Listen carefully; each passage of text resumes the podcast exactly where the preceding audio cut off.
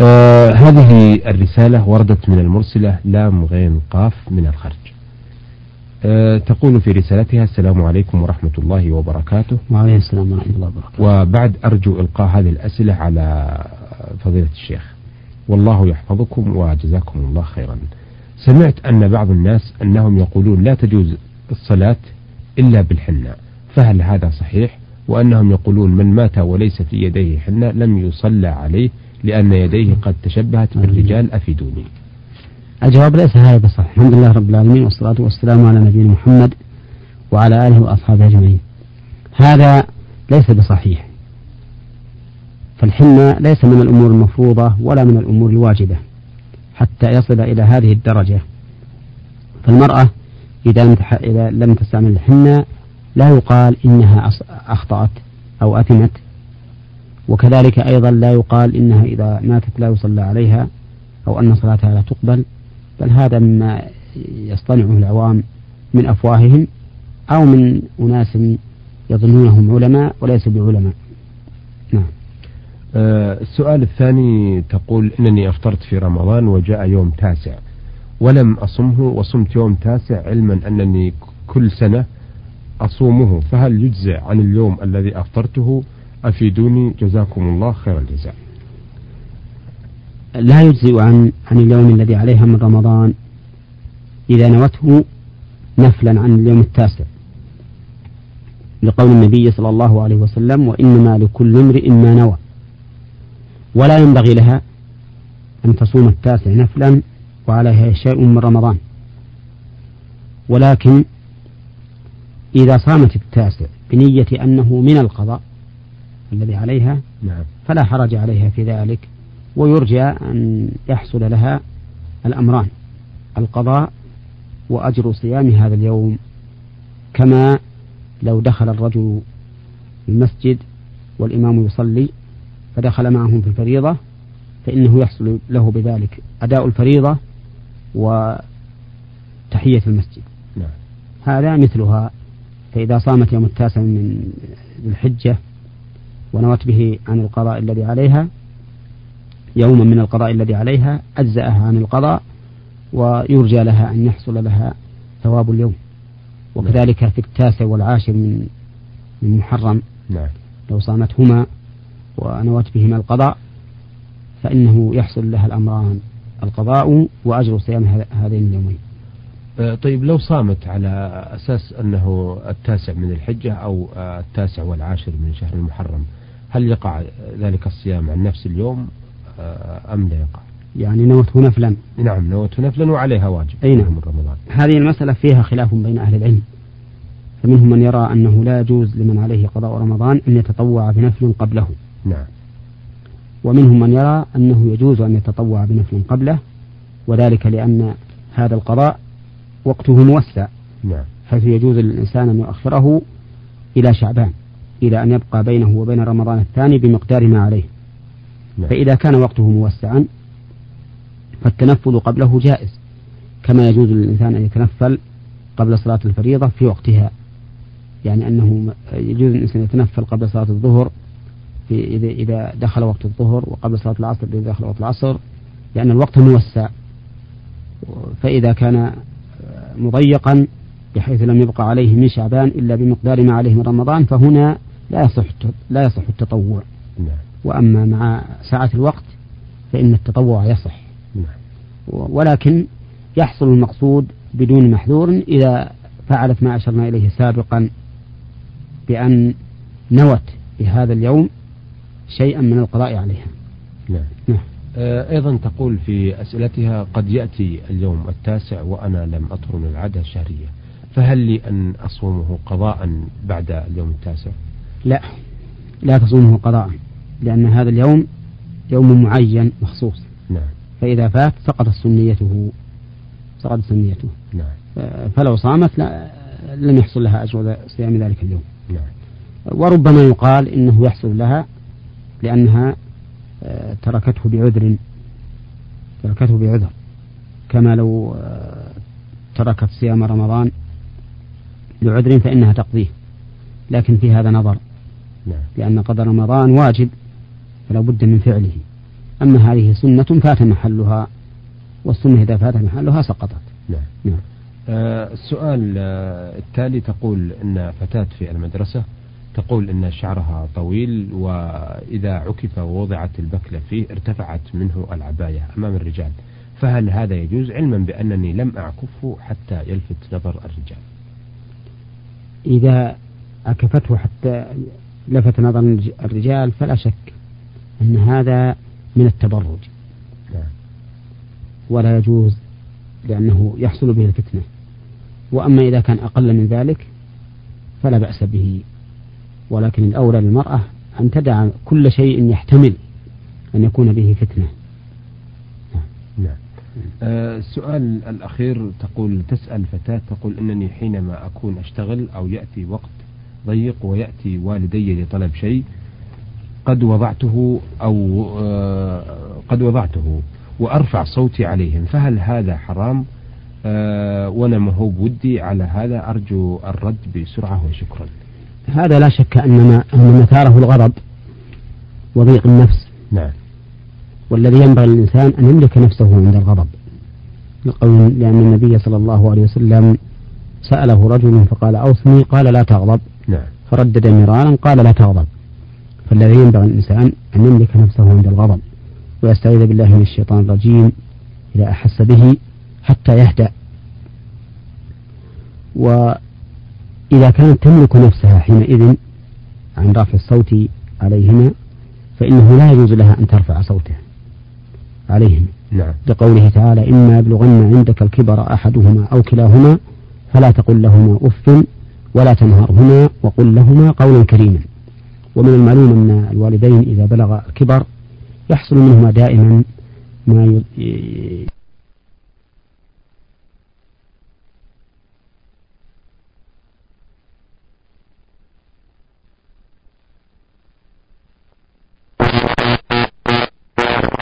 يضيق به المرء وما يحرج المرء وما يغضبه ومع هذا قال الله لا تقل لهما أف ولا تنهرهما وقل لهما قولا كريما نعم. فالواجب عليها أن تتأدب مع والديها وأن تملك نفسها عند الغضب وألا تفعل ما فيه زجر ونهر لهما نعم. آه هذه الرسالة من القصيم آه يقول الابن أنا يقول ابنك ميم عين سين القصيم. أنا متزوج الشاب جامعي وجاءني منه أولاد وبنات وقد تزوج علي امرأة ابنتك. إي نعم. لا هي كاتب ابنك. غلط نعم. آه وقد تزوج علي امرأة أخرى ويؤثرها علي وأريد أعرف ما يلي.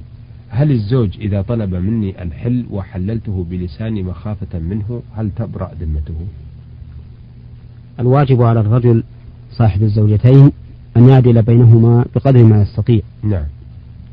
من القول والفعل والزمن في الاستمتاع وغير ذلك لقول النبي صلى الله عليه وسلم من كانت له امرأتان فمال إلى إحداهما جاء يوم القيامة وشقه مائل ولكن الشيء الذي لا يمكن استطاعته كالمحبة والمودة وما يتبع ذلك فإنه لا لا يؤاخذ به الإنسان.